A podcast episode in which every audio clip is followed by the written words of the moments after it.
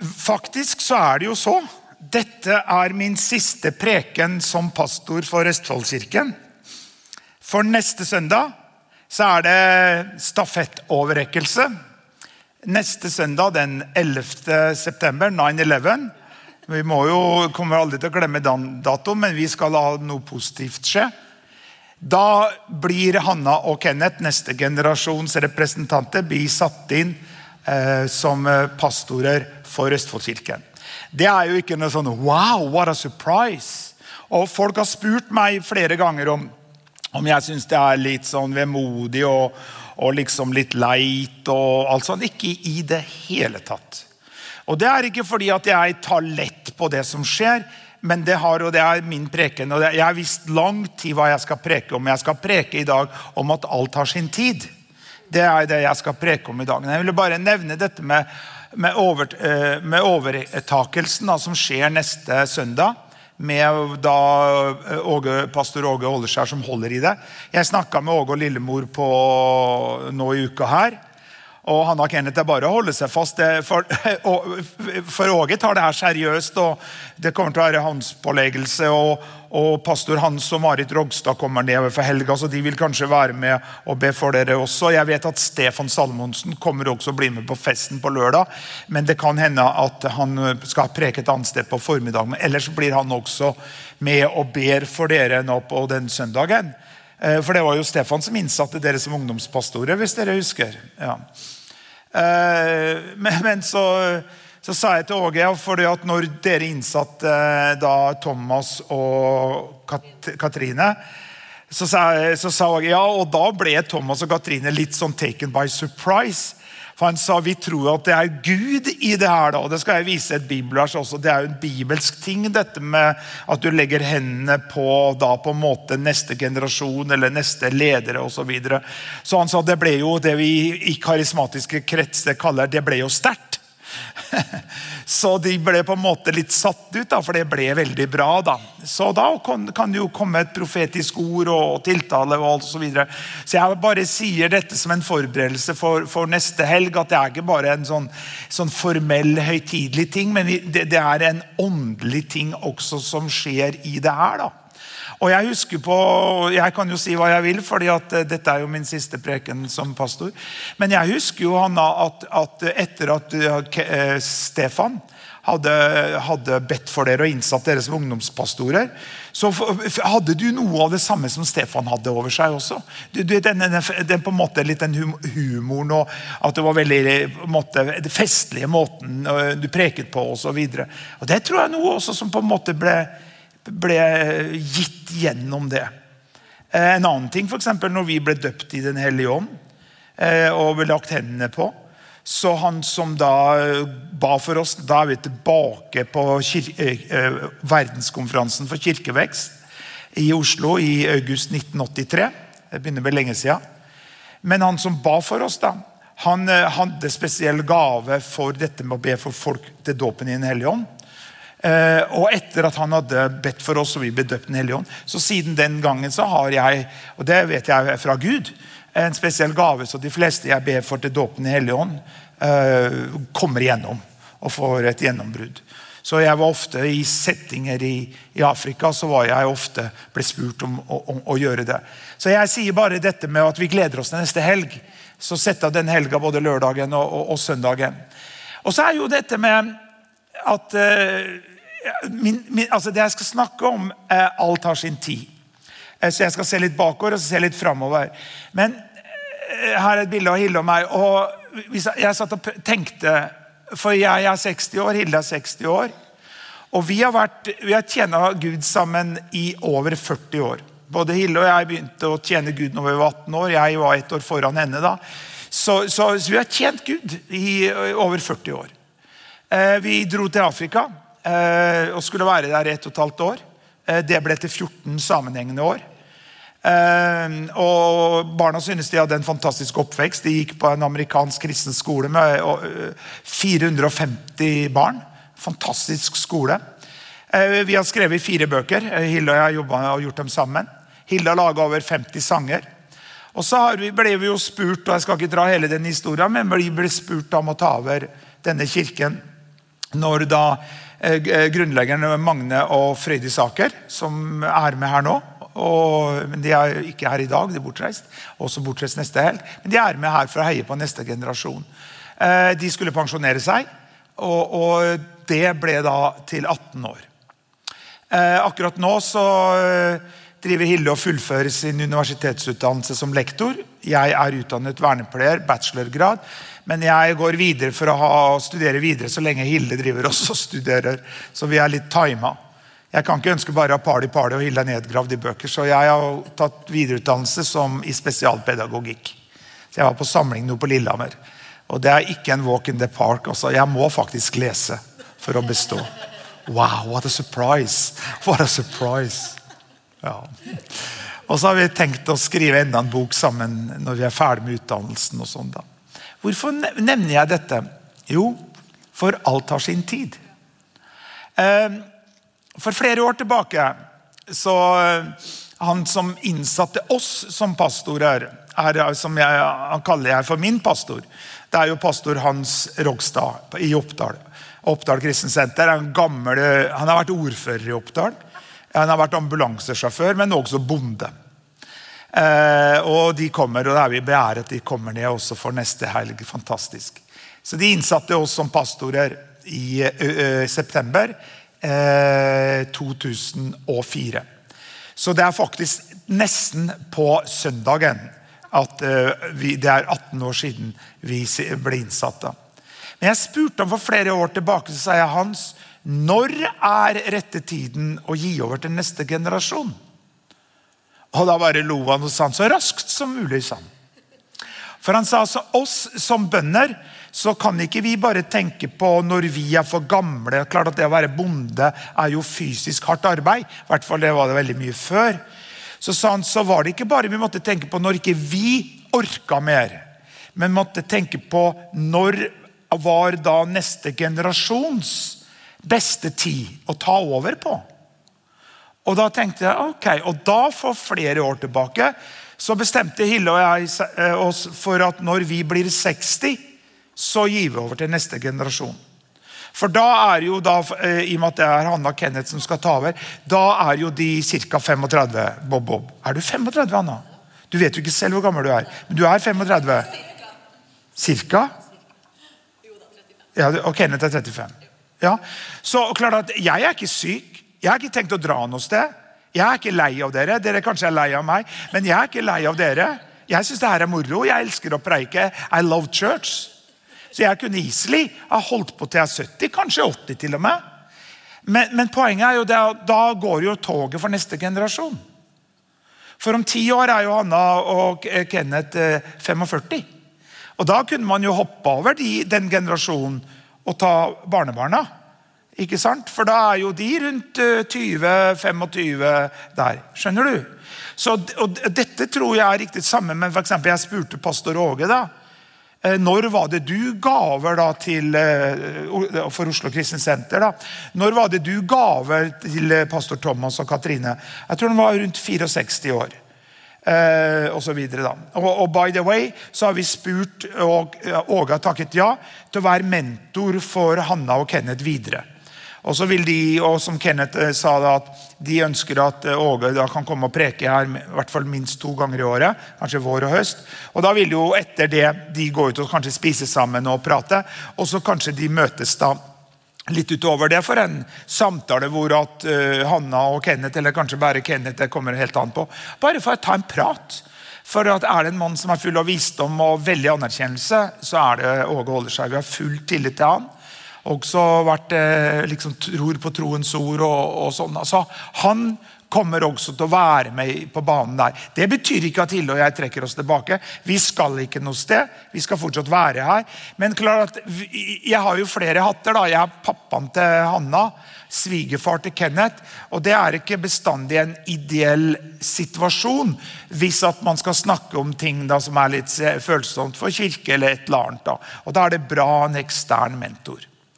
Så Han sa da gi det over så raskt som mulig, og da bestemte vi oss at vi skulle gjøre det når vi ble 60. Og Allerede da så begynte vi å forberede det. Og klart at Gjennom at både Hilde og jeg valgte selv, ikke noe noe krav fra lederne rundt oss, men vi valgte selv å, å ikke ta ut lønn, og har ikke gjort det siden det, fra 1.1.2010. Altså Det er jo da tolv år siden. Og Da måtte jo vi tjene noen penger eksternt med forskjellige ting. Helse, omsorg, lille bruktbutikk osv. Klart, det tar jo tid. Så vi fikk jo da brukt mindre tid i kirken, men holdt allikevel ansvaret som styreleder i, i, i styret og, og, også som hovedpastorer. Men det gjorde jo at det ble en gjeng som mange av dere er en del av, av frivillighet, kom på banen. Så det her er jo, er jo helt fantastisk å tenke på. Nå har vi kunnet begynne å lønne Hanna litt, og Kenneth har hatt en 20% stilling. Eh, og du har, eh, ja, Dere har til sammen 30% tror jeg. Så, så Hanna har også blitt kjøpt fri for å jobbe med kirke på fredager. og det også driver Kenneth med. Men ellers så jeg må jo si Når vi ser på det kirkebygget, så er det jo bare et mirakel at det her har gått rundt. Ja, og Det er jo takket være deg og, og du, mange som ser på og støtter oss. eller hva det er. Men også med skolen. da. Vi var i, og Det er jo takket være Ida og et fantastisk styre og en fantastisk stab. og Elever og, og foreldre. Men vi var nede under 40 elever. tror jeg vi var, var rundt som break-even 40 elever på det laveste. Og Nå er vi 85 elever i skolen, og det går så det suser. Og Det er jo all ære til uh, Ida. For jeg har forstått da, gjennom jeg har begynt å lese spesialpedagogikk Rektorene de har mye de skulle ha sagt. Du, rektorene får det som regel som de vil, så det er jo veldig bra. Men det er situasjonen med det her. Så det vi, når vi bestemte oss for flere år tilbake Og vi spurte jo Hanna og Kenneth om de kunne tenke seg å ta over. For det er sånn at de som er ledende pastorer, bestemmer selv hvem som skal ta over etter dem. Så når vi spurte, så tok dere en runde med dere, tenkte på det, ba over det. Hadde egentlig ikke i utgangspunktet så veldig lyst. For det er ikke bestandig en dans på roser å være pastor. Det er, det, det, den prekenbiten den er jo liksom den enkle delen. Så er det masse annet ansvar, og du kan kjenne tynge litt kanskje økonomisk når det er tøffe tak. og, og, og så videre. Men til slutt så sa dere ja til det. Og Da begynte jo vi å planlegge det. Så da trappet Vi på, da, vi hadde jo trappet ned mye at når det gjelder det administrative, så var det jo allerede Hanna og Kenneth holdt mye i det. Med et fantastisk team rundt da, med Andreas og og, og, og, og, her eh, med da på en måte med lovsangen og, og, så videre. Også, og med, med møtesverter og alt mulig. Det var et team da, som var med og gjorde at det her var mulig. Uh, ja. Men da begynte jeg å trappe ned, så at jeg preket da bare én søndag i måneden. Så du som ser på, du som hører på, du kommer egentlig ikke til å merke noe forskjell. For jeg kommer fortsatt sånn cirka å preke én gang i måneden. Og Hilde har fortsatt lyst til å eh, være med i lovsangen hvis dere fortsatt ville ha med henne der. da, så ja. Så hun elsker å synge. da. Men, men, eh, det er liksom det. Og jeg, vi skal jo studere alt videre, men så, så, dermed blir det en veldig, veldig mjuk overgang. Um, nå skal jeg lese dagens tekst. Vi er jo fortsatt en kirke. Og Jeg skal snakke om dette med alt har sin tid. og Da leser jeg fra Forkynneren, kapittel 3, vers 1-8. Alt har sin tid. Det er en tid for alt som skjer under himmelen. En tid til å bli født og en tid til å dø. En tid til å plante og en tid til å rykke opp. En tid til å drepe og en tid til å lege. En tid til å rive ned og en tid til å bygge opp. En tid til å gråte og en tid til å le. En tid til å sørge og en tid til å danse. En tid til å kaste bort steiner og en tid til å samle steiner. En tid til å omfavne og en tid til å avslå og omfavne. En tid til å lete og en tid til å miste. En tid til å bevare og en tid til å kaste bort. En tid til å rive i stykker og en tid til å bøte. En tid til å tie og en tid til å tale. Og en tid til å elske og en tid til å hate. En tid til krig og en tid til fred. La meg bare skyte inn når det står 'en tid til å hate'. Dette er jo en gammeltestamentlig tekst. Skal, det er aldri tid for å hate. For å si det sånn. Vi skal ikke hate, vi skal elske. Men det beskriver jo at det er tider hvor det er mye hat. hvis du skjønner. Men det er jo da det bibelverset som jeg ønsker å løfte fram. Du, du ser at alt har sin tid. Og eh, det er det som jeg føler at vi på en måte er i akkurat nå når det gjelder denne overgangen. Vi har som sagt, da, som jeg nevnte her, vært pastorer i 18 år. Og, og, og vært, vært, i tjeneste for Gud i over 40 år. Men, men, vi slutter ikke å tjene Gud fordi om vi slutter å være pastorer. og klart at Vi har jo som sagt ikke tatt ut noen lønn på 12 år. Så Sånn sett er det jo en Eh, vi, vi, er økonomisk forsørgende gjennom at to, jeg jobber i det offentlige i to forskjellige kommuner. Så rent økonomisk så trenger ikke menigheten å være bekymret for hvordan det skal gå med oss. For vi har ansettelser utenfor kirken da, som gjør at, at vi Hvis ikke strømregninga tar knekken på oss, men det tror vi ikke noe på. Er det ikke det? Vi må ikke bekymre oss. Jeg skal komme inn til det. Men, men, men så, så, Vi er her, vi skal fortsatt være en del av det her, men vi tar en annen fase av dette med å tjene Gud. Jeg nevnte flere ganger svigermor er ikke her i dag. Hun er 89 år, og hun har sagt til oss at den beste tiden så langt i hennes liv var 60-åra. De salige 60-åra. Så vi er 60. Jeg må si at Av forskjellige årsaker så har livet aldri vært bedre. Men jeg tror at det mange mennesker glemmer, er egentlig er dette at alt har sin tid. Man trenger ikke krampaktig å holde fast på noe, for alt har sin tid. For å si det sånn, for meg er det totalt utenkelig å reise nå og flytte til Afrika. Det er jo farlig, jo. Men det tenkte du ikke på når du var 20 år og ung og naiv og reiste til Afrika. Vi skulle bare være der i ett og et halvt år, og det ble til 14 år. Uh, og, Når vi ser tilbake på den tiden, det var tøft på mange vis. Men barna uh, syntes det var en fantastisk oppvekst. og De fikk ikke bestandig med seg liksom, alt, tøffe ting som skjedde liksom, bak kulissene. Og tøffe sjefer for den internasjonale organisasjonen vi jobbet for osv. Men alt har sin tid. Og jeg tror, og Hva er det jeg ønsker å, å, å si til deg der? Det er å lære deg the seasons of life. Eh, og klart at I Lukas så snakker om det er en tid til å så, det er en tid til å høste. Nå, nå, var jeg oppe på hytta i forbindelse, jeg bodde der noen netter i forbindelse med at jeg var på samling på Lillehammer. Og så hadde jeg sådd. da. Liksom en sånn skråning, og så fikk jeg han som gjorde tomta, og hive på litt mer matjord. da. Så jeg var veldig spent, og så hadde vi gått på Felleskjøpet og så hadde vi kjøpt noen såkorn, av sånne poser med noe som heter fjellfrø, og så noe som heter sommerengfrø. Og så, og så eh, når, kom, når, jeg kom opp dit, så var jeg spent på hvordan det så ut. Og, og, og, så var det noe som var vokst ut. Det var så mye. vet du, Så jeg måtte gå til naboen, for hun er en sånn botanisk ekspert. Så jeg sa, hva er det her for noe? Er, er det blomstene jeg har sådd, sa jeg. Nei, sa hun. Det er ugress. Ja, men 'Jeg har ikke sådd noe ugress, jeg.' Nei, men det var i jorda allerede når jorda kom. Så det må komme opp først, og så må vi fjerne det. Og så kommer denne sommerengfrøa og blomsterengfrøa dine opp etter hvert. Ikke sant? Men om ikke jeg hadde sådd noe, ja, det hadde jo kommet opp ugress uansett. Men det var allerede sådd i jorda. Men slik tror jeg mange ganger det er med livet vårt. Om ikke vi på en måte lærer oss the pace of life. I Afrika når vi bodde her, så var det egentlig bare one season. Det var sommer hele året. Så Hanna tok jo litt tid før og vi om det i dag. Hanna har på seg boots i dag. Men når vi flyttet tilbake til Norge og Hanna hadde to år igjen og skulle gå på IB-linja på Ås, International Bachelorette, så var det en dag at Jørn hadde sett henne på togstasjonen. Det var vel like før om det var slaps i lufta, men det var like før snøen kom. Han sto og stirra på beina til Hanna, for da var hadde hun sandaler uten sokker. For jeg tror ikke Hanna i hvert fall ikke Hanna, eide sokker i 14 år. Du hadde ingen sokker når du var i Afrika, sa han. Nei, sant? For det var one season. Det var bare én tid. Det var sommer. Men, men i, i, Norge må vi jo lære oss det. Jeg har aldri likt høsten noe spesielt. Den verste måneden er egentlig november, syns jeg. Det har ikke jeg godt tenkt meg å vært i varmere strøk i november og desember. Men det er jo ikke noe vits å erge seg over det, for novemberen kommer, og novemberen går. Sommer kommer, sommer går. Du har sommer, du har høst, du har vinter og du har vår. Og hvis ikke vi på en måte En ting er å lære seg å kle oss etter hva, hvordan været er ute. Men en annen ting er også å leve med disse forskjellige tidene. Så vil vi egentlig aldri leve i nuet. Eh, fordi at Bibelen sier at, at 'faith is now'.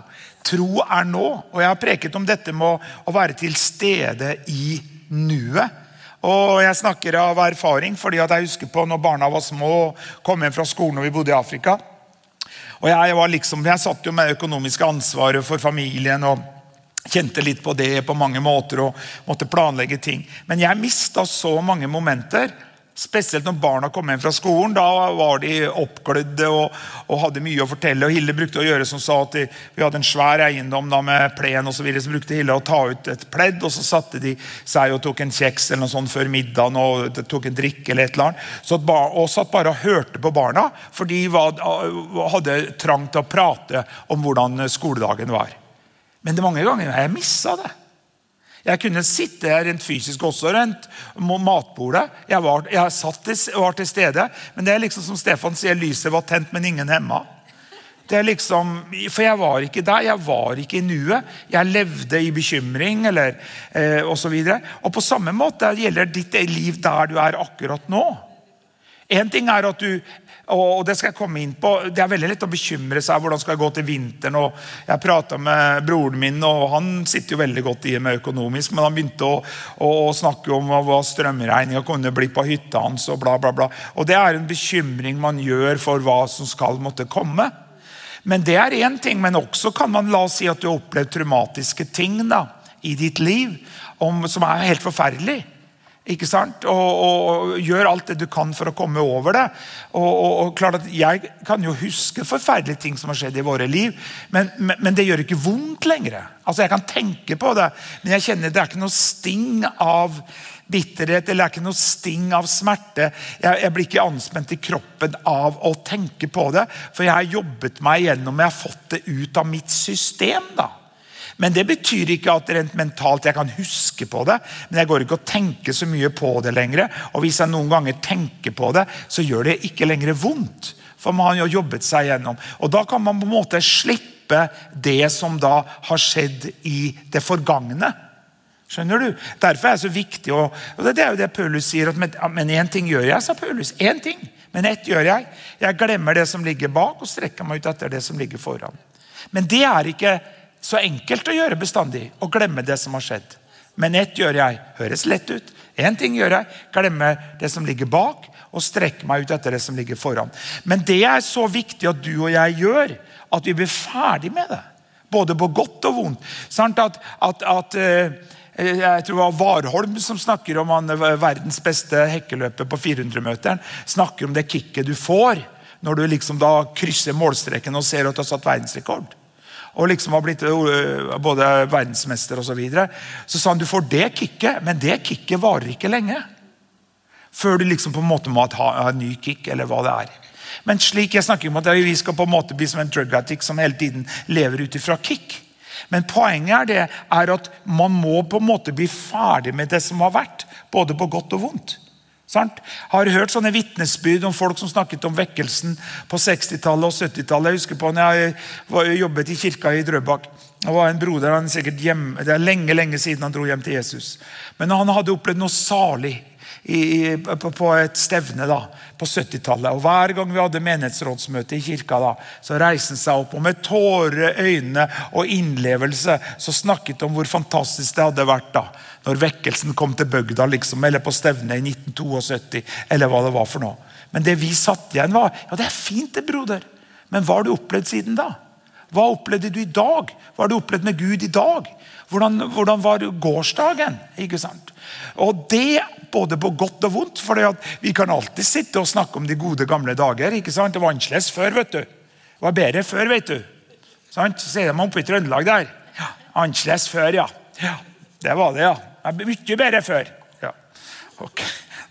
Er dere glad jeg ikke preker på trøndersk, eller? Ok. Ok.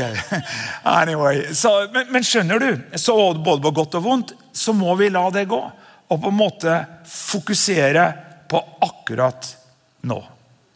Og akkurat nå så har livet mitt aldri vært bedre. Hvordan er ditt liv? Og Du tenker ja, men du kanskje sier ja, men livet mitt har aldri vært verre. Ja, men Det trenger ikke å være sånn. Det kan bli en forandring på det. Så det gjør at når man på en måte da Når vi nå går av som hovedpastorer, så på en måte er det bare en forandring av måten vi, vi fungerer på. Så nå blir jo styresmøtene veldig mye kortere. For Maria og co. slipper alle rabbit trailsene jeg gjør. som når vi har styresmøte. Så Maria holder meg i ørene og så til effektivt. Men eh, Kenneth jo, er jo, veldig flink, og styresmøtene har blitt veldig bra. Så det blir jo deilig å slippe. ja. Jeg har hatt mitt siste styresmøte. Jeg gir over alt det med Procura. Jeg tenkte å introdusere Kenneth og Stian til eh, banken på andre sida av veien. Fantastisk dame som ga oss lån. Prise Gud. Gud velsigne henne. Og, og vise at eh, menigheten er i trygge hender. Men jeg må jo si når jeg ser utover denne folkeskaren her, vi er ikke verdens største menighet. Men det er jo et mirakel her, folkens. Det ruller og går. Har ikke hatt en økonomisk bekymring for menigheten på mange år. Men det er jo fordi at du gir. Det er for du ber. Det er jo for at du er med og drar det videre. Ok. Her skal jeg vise et bibelvers som jeg tenkte på i forbindelse med også neste søndag. 5. Bosebok 34,9 så står det Josva Nuns sønn var fylt av visdomsånd for Moses hadde lagt hendene på ham. Derfor hørte Israels barn på ham og gjorde som Herren hadde befalt Moses. Og Dette jeg bare nevner jeg, så Vi tror at noe kommer til å skje i denne pastorsinnsettelsen som skjer neste søndag. Eh, til og med i Den norske kirke så er jo dette med innsettelse av biskoper videre, det, er det er jo full eh, det er full eh, Hva heter det? Med liturgi og håndspåleggelse. Og, og jeg tror Den katolske kirke tror jeg, de legger seg langsflat på gulvet osv. Men poenget med det jeg sier bare dette, vi tror at noe kommer til å skje. Vi tror at, at ikke det at ikke Kenneth og Anna er salvet av Gud og er dyktige, og osv. Men, men vi tror at noe kommer til å skje. For det skjedde også da når da eh, Moses la sine hender på Josva. Så jeg og Hille skal jo være med å legge hendene på dem også. Så jeg sier det, for vi, det, vi, vi runner jo ikke bare en vanlig business. Det er jo et åndelig foretak, for å si det sånn. da. Vi tror på salvelsen, vi tror på utrustningen. Og, og, det må jeg bare skyte inn, og Dette har jo vært helt fantastisk også. For her kan det være et eh, potensielt problem hvis at du innsetter noen til å ta over etter deg som er familie. Og, og, og Hanna Kenneth er jo høyst familie, selv om Hanna er jo adoptert fra Øst-Europa. Jeg sa det til, ungdoms, jeg sa det til ungdomsgjengen en gang de bare satt der. De trodde jeg eller, jeg bare sa jeg bare løs seg. Men, men Hanna er jo min datter, og, og Kenneth er min svigersønn. Og, og, klart at Vi har jo sett det mange ganger i for American Ministries og så videre, hvor at sønnen tar over. Og, så videre. og Det kan bli et problem hvis at sønnen ikke er dyktig, eller dattera er dyktig til det faren eller mora var dyktig til. Sant? Men nå har jo dere fått smake på og kjenne på Hanna og Kenneth gjennom mange år. Så det er ikke liksom som når vi ble spurt om å ta over kirken her. Eh, og så eh, var alt hysj-hysj hemmelig. Men så skulle de ha et ekstraordinært årsmøte i januar 2004. Og Da skulle de kunngjøre hvem det nye pastorparet var. Og Menigheten hadde ikke peiling. De eneste som visste det, var Magne Frøydis og, og, og, og, Hilde og jeg. da. Også Jonathan Conrad hadde vi spurt om rådgivning fra. En engelsk profet. Og når det ble kunngjort at vi skulle være, bli det nye pastorparet, så ble det trampeklapp, har jeg forstått. Og det Mange ganger melka vi veldig og sa ja, en gang var de begeistra for oss. liksom. og så, og, og, og sånn, Men det, det, var en kjempeoverraskelse, for menigheten visste ikke, har forstått, og visste ingenting.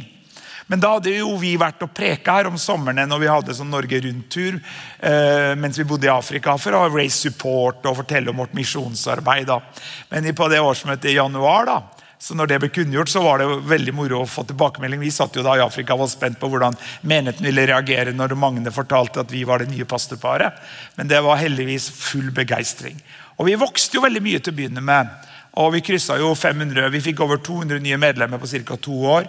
Og krysset 500 medlemmer før det på en måte ble eh, en, på en måte en eh, hva skal vi si, Mange dro, kanskje fordi ikke de likte den stilen vi kjørte osv. Ikke vet jeg. Vi gjorde kanskje masse feil osv. Men, men vi har jo i hvert fall klart oss igjennom 18 år. Ok. Her er det videre dette med Josva og Moses. Og Da står det denne lovboken skal ikke vike fra din munn. Her er det Moses som sier dette til Josva i forbindelse med pastorsinnsettelsen. Ja. Så på en måte han gir et ord på veien. Da står det denne lovbok. Jeg må preke det her nå, for det er ikke jeg som skal preke neste søndag. Det er biskop Åleskjær. Denne lovboken skal ikke vike fra din munn, men du skal grunne på den dag og natt. Så du ikke tar deg i vare så du gjør etter alt det som er skrevet i den. For da skal du ha framgang på din vei, og da skal du ferdes viselig. Har jeg ikke befalt deg, vær sterk og modig. Vær ikke redd, og bli ikke forferdet. For Herren din Gud skal være med deg overalt hvor du går. Og Det vil jeg si til deg også, menigheten Østfoldkirke. Jeg vil si til alle som ser på dette programmet. Dere kan bli ikke kvitt meg, jeg kommer fortsatt å være på TV-skjermen. Alle som ser på YouTube, podkast, hører på dette programmet. Dette er også et ord til deg. At har jeg ikke befalt deg, vær sterk og modig. Vær ikke redd og bli ikke forferdet, for Herren din Gud skal være med deg overalt hvor du går. Og det, og det, det, det, som er interessant når du ser på det her, det er en befaling som Gud gir da til Josva, men som også han gir til deg. Det har jeg ikke befalt deg. Det er mye sterkere enn å si har jeg ikke gitt deg det råd. Men Josva fikk befalingen om å være sterk og modig. Hva? Liksom, Skjerp deg, gutt. Det her kommer til å gå bra. Men, men, som leder så fikk han denne befalingen om å være sterk og modig. Vær ikke redd og bli ikke forferdet. Ikke bli engstelig over strømregningen eller bensinprisene, for Herren din Gud skal være med deg overalt hvor du går. Ja? Ja. Men hvordan var det mulig? For Gud vil aldri be oss om noe, befale oss om å gjøre noe, om han ikke også gir oss muligheten og viser oss hvordan det skal skje. Ja, men det, det finner vi ut i verset foran.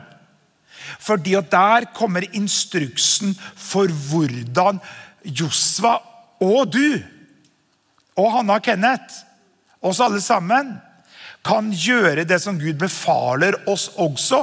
Å være sterk og modig. Det ligger i, Instruksen ligger i vers 8. Og det er at denne lovboken skal ikke vike fra din munn, men du skal grunne på den dag og natt så du tar deg i vare, så du gjør etter alt det som er skrevet i den. For da skal du ha framgang på din vei, og da skal du ferdes viselig. Jeg tenker på Salme 23. Hille broderte hele Salme 23. Det henger i gymmet vårt på, på hjemme. Så hver gang jeg spinner, så ser jeg det så stort. Salig er det en mann som ikke sitter ved gudelig menneskes råd. Og, sånn. og broderte hele greia. Det henger der. Og Det er jo samme som det her. Og hva er nøkkelen? Jo, når det står denne lovboken, så kan du si Bibelen skal ikke vike fra din munn. Hva betyr det? Tale det som godt er. Tale Guds ord. Så oppskriften for hvordan vi alle sammen kan oppfylle befalingen fra Gud om å være sterk og modig, det ligger i vers 8. Og det starter med og slutter med forholdet til Guds ord. Og Derfor er jeg så trygg på når vi gir over til Hanna og Kenneth, så gir vi over til to mennesker som elsker Guds ord. Både Hanna og Kenneth har blitt fostret opp med Guds ord. Lært seg å sette pris på troens ord. Kenneth elsker eh, trosundervisning, elsker og tror på Guds ord. Og da også da få det mentorskipet gjennom da Åge Åleskjær, som også har vært en sterk eksponent for troens ord og pinsekarismatiske eh, fornyelsen i kirker osv. Men, men det starter med at vi ikke lar Guds ord vike fra vår munn. Og i disse tider, for nå skal jeg jo eh, Jeg sitter ikke og bare preker til Hanna og Kenneth, her, men jeg preker til oss alle sammen, også du som ser og hører på. Det er jo veldig lett menneskelig sett å bli bekymret for strømregning. Broren min hadde regna på han sa at jeg bruker, jeg bruker 3000 kilowatt, er det det heter? 3000 watt? 3, 3 kilowatt i måneden. I måneden, var make the sense? 3000 watt? 3000 kilowatt? Oh, ja. I måneden. Så regna han på hvis, det blir hvis strømregninga blir 10 kroner, så blir det 30 000 i strømregning på hytta. og Den får du ikke tillegg til. Så da har ikke jeg råd til å dra opp hit. Jo, sa jeg, du har jo så mye penger, sa jeg. Men han er han er veldig økonomisk. da. Men så er det lett å og så, og strømregningen. Men, men, det du må gjøre, vet du, du, du får deg elbil. Og så, når du kjører elbilen, så taler du tunger hele tiden mens du kjører elbilen. Og da går, da, så jeg kjørte hele veien fra Venabygdsfjellet ned hit. Jeg talte i tunger hele tiden. Så da brukte jeg ikke strøm. Nei, jeg tuller bare. Det er bare tull. Det er bare, bare tull, det er ikke sant. Det, det, det, wish it was. Jeg ønsker det var det. Men eh, jeg lader, jeg lader ikke bilen din når du taler i tunger, men du lader deg selv. For det står det i Judas vers 20 at den som taler i tunger, oppbygger seg på sin høyelige tro. Du lader deg selv, så ikke batteriet skal bli flatt. Der peila deg inn riktig. Va? Men, men, men, det er, er på forholdet vårt til Guds ord. Fordi at Hvis vi ikke lever i Guds ord Og det står jo i Skriften at de skal bli vasket ren i vannbadet av Guds ord. Og Dette er en pågående prosess som er mer aktuell enn noen gang. Du vet, Jeg kommer til å fortsette å preke om det. at eh, om, om, Fornyelsen av ditt sinn er jo den viktigste prosessen som du og jeg er inne i. For i henhold til ordspråksboken 23,7 at slik et menneske tenker i sin sjel, slik er man. Hva går vi og tenker på? Vi, det, vi blir jo fòret med informasjon. Og, og, og, hele tiden om dette med hvor dyr strømmen blir, og, og, hvor dyr bensinen er. Og som jeg skyter inn, I forhold til hvor mye mennesker tjener prosentvis, hvor mye penger folk bruker på bensin og på strøm, så er det likevel ganske lavt på verdensbasis ut ifra generelt sett så tjener folk ganske godt her i Norge i forhold til mange andre som tjener mye mindre. Det er kanskje ikke så mye trøst. da.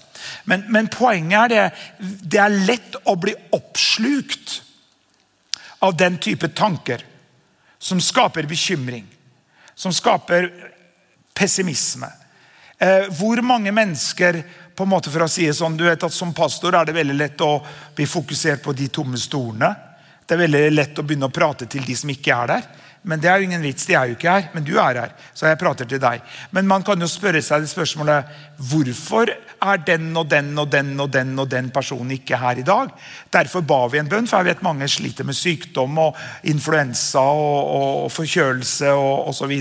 Noen har skadet seg og syklet seg åt osv. Det er én ting. Men poenget mange ganger så blir det en mental tilstand som bringer oss inn med på en måte nesten som i vinterdvale, som Bjørn gjør. Du på en måte blir passiv. Du, du, du, på en måte får Du mister den gnisten. Pågangsmotet, engasjementet. Som en forkynner sa, uten engasjement og begeistring som ingenting gjort i Guds rike. Derfor er det godt å ta med seg videre denne befalingen fra Gud. Ikke bare liksom, det her skal gå greit, men befalingen om å være sterk og modig. Og det er mulig når vi lar Bibelen, Guds ord, også prege vår munn. Hva betyr det? Dette er jo det jeg elsker å preke om. At du skal ikke si det du føler, men du skal si det du ønsker å føle. Du, du skal ikke si alt det du tenker. Mora mi sa det, Erik, du, du, du, sier alt det du tenker. Så hvis ikke jeg sier noe, så tenker jeg ingenting. Så det er litt lett å forstå. Men, men skjønner hva jeg mener? Men jeg kom jo i problemer da, både med lærer og, og fikk beskjed om at jeg var stor i kjeften og fikk melding med meg hjem. og Oppstanda si, sier man oppe i Trøndelag. Har du hørt det uttrykket å være oppstanda si? Ja, du har hørt den Inge? Ida, oppstanda si. Har du hørt det? I Molde? Ja. Nei, men Det er jo ingen som er det på skolen vår, da, men oppstanden si er stor i kjeften. Men poenget er jo det at du sa alt det du tenkte. Men, men, men, det som er, er at når du og jeg kjenner at nå, vi holder på at depresjonen banker på døra, vi kjenner at vi holder på å bli deprimert, vi holder på å liksom miste gnisten Hva gjør vi for noe? Sånn? Sitter vi bare der og og depper oss, liksom. Uh, i går, når Jeg var på hytta i går, da, så broren min har jo hytte der også. Så hadde jeg egentlig jeg tenkt å gjøre noe ute på tomta på hytta og så bare dra hjem. Men så inviterer broren min over på, på frokost klokka halv ti, og så, og så sa han ville være med på fjelltur etterpå. Men broren min han, han går ikke fjelltur for at det er vakkert. Han gjør det for han vil kjenne melkesyra. Så min svigerinne sa, sa rett ut hadde ikke vært for, for bror din, så hadde jeg vært tjukk og lat og sittet bare i en sofa. sa for, Men hun henger på, da. Men jeg klarte å henge på, takk og lov. Men jeg har veldig vondt i beina i dag. Det er dårlig form. Jeg klarte å henge på. 13 km gikk vi da opp på Svartfjellet og så ned igjen. Men poenget med at han drev oss, da. Han fikk oss ut. Han fikk oss på tur. Han fikk oss ut av godsofaen. Han fikk oss til å begynne å liksom, skjerpe deg, gutt. Eller kom igjen. Jeg har en kopp som jeg har fått på hytta hvor det står 'Hvorfor sitte inne når alt håp er ute'? Den er bra. Så Det er koppen min på hytta. Hvorfor sitte inne når alt hopp er ute? Og Poenget er det når du holder på å gni, eh, gli inn og liksom bli ett med sofaen. og på en måte, Det er ingen feil å sitte på sofaen, men poenget er det når du kjenner at du, du holder på å bare gli inn i apati, passivitet, depresjon, motløshet. Hva? Hvor mange, vi brukte jo en sånn kickoff, Mange kirker brukte å ha kickoff til høsten. sant? Men det skulle vært en kickoff hver søndag. Hva skal til for at du får en kickoff? Mange bedrifter har sånn kickoff. Eh, de gjør ting sammen bare for å skape engasjement og begeistring for det bedriften og målene som bedriften skal nå osv. Men, men hva gjør du med det? Fordi at Dette er det ordet som jeg vil på en måte sende med dere også som kirke. Det er dette å la Guds ord være det som fyller vår munn.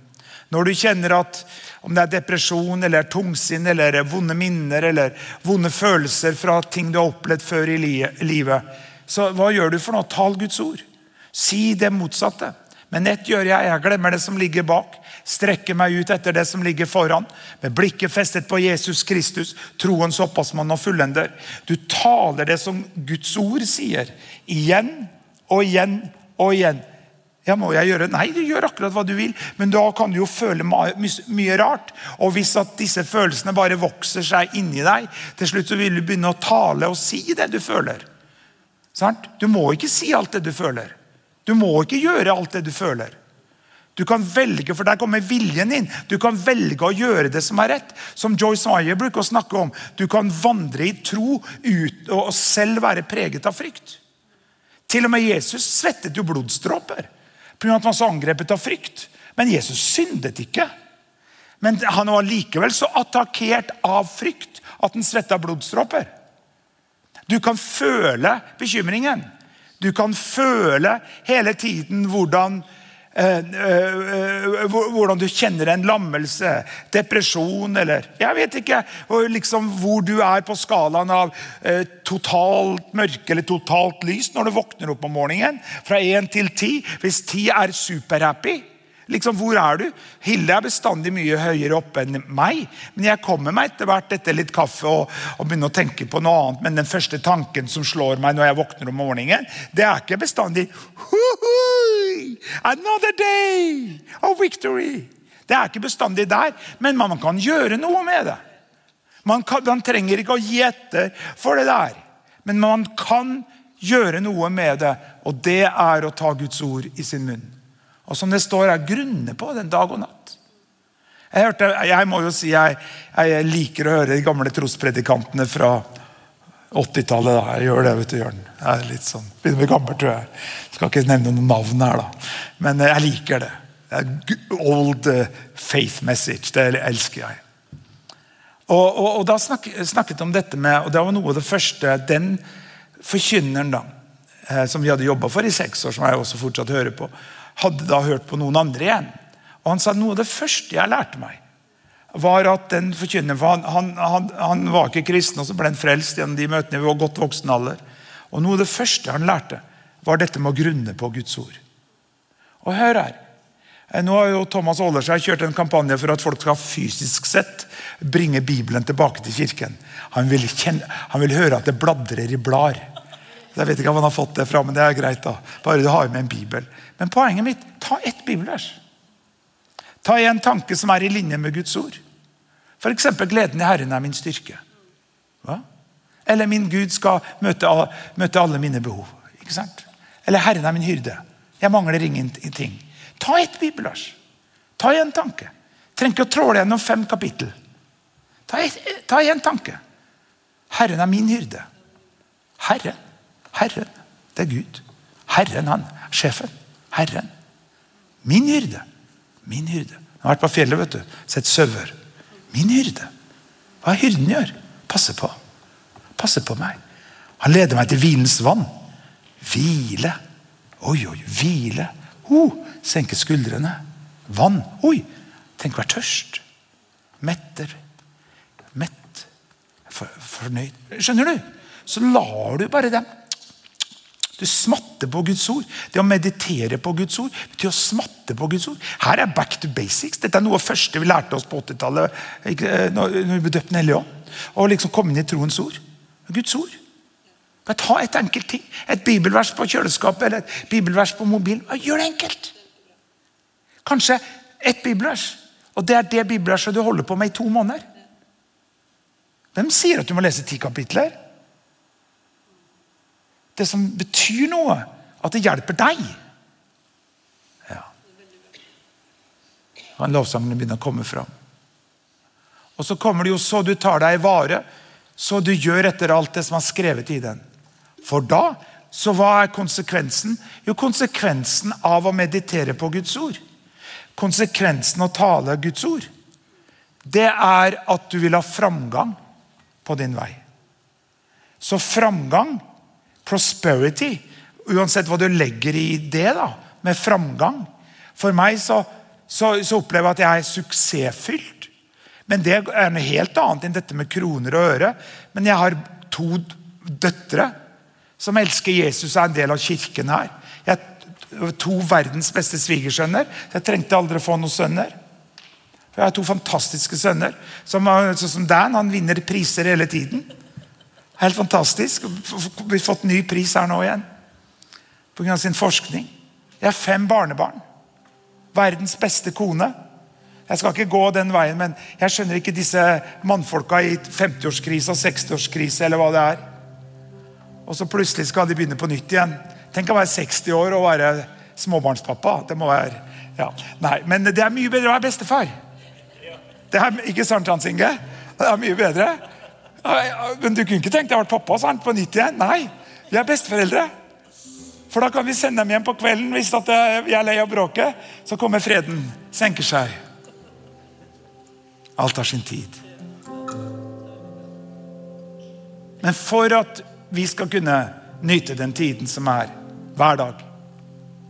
Uansett hva bensinprisen er, og dieselprisen og strømprisen, så er sol, soloppgangen like vakker fortsatt i dag. Og solnedgangen. Dra inn duften fra skogen. Kjenne liksom om du er ute og sykler en tur, eller vinden som blåser, eller Uansett hva det er for noe. Være til stede. Kunne nyte nu, du vet. Tenk på svigermora, er 89 år, hun er ikke her i dag.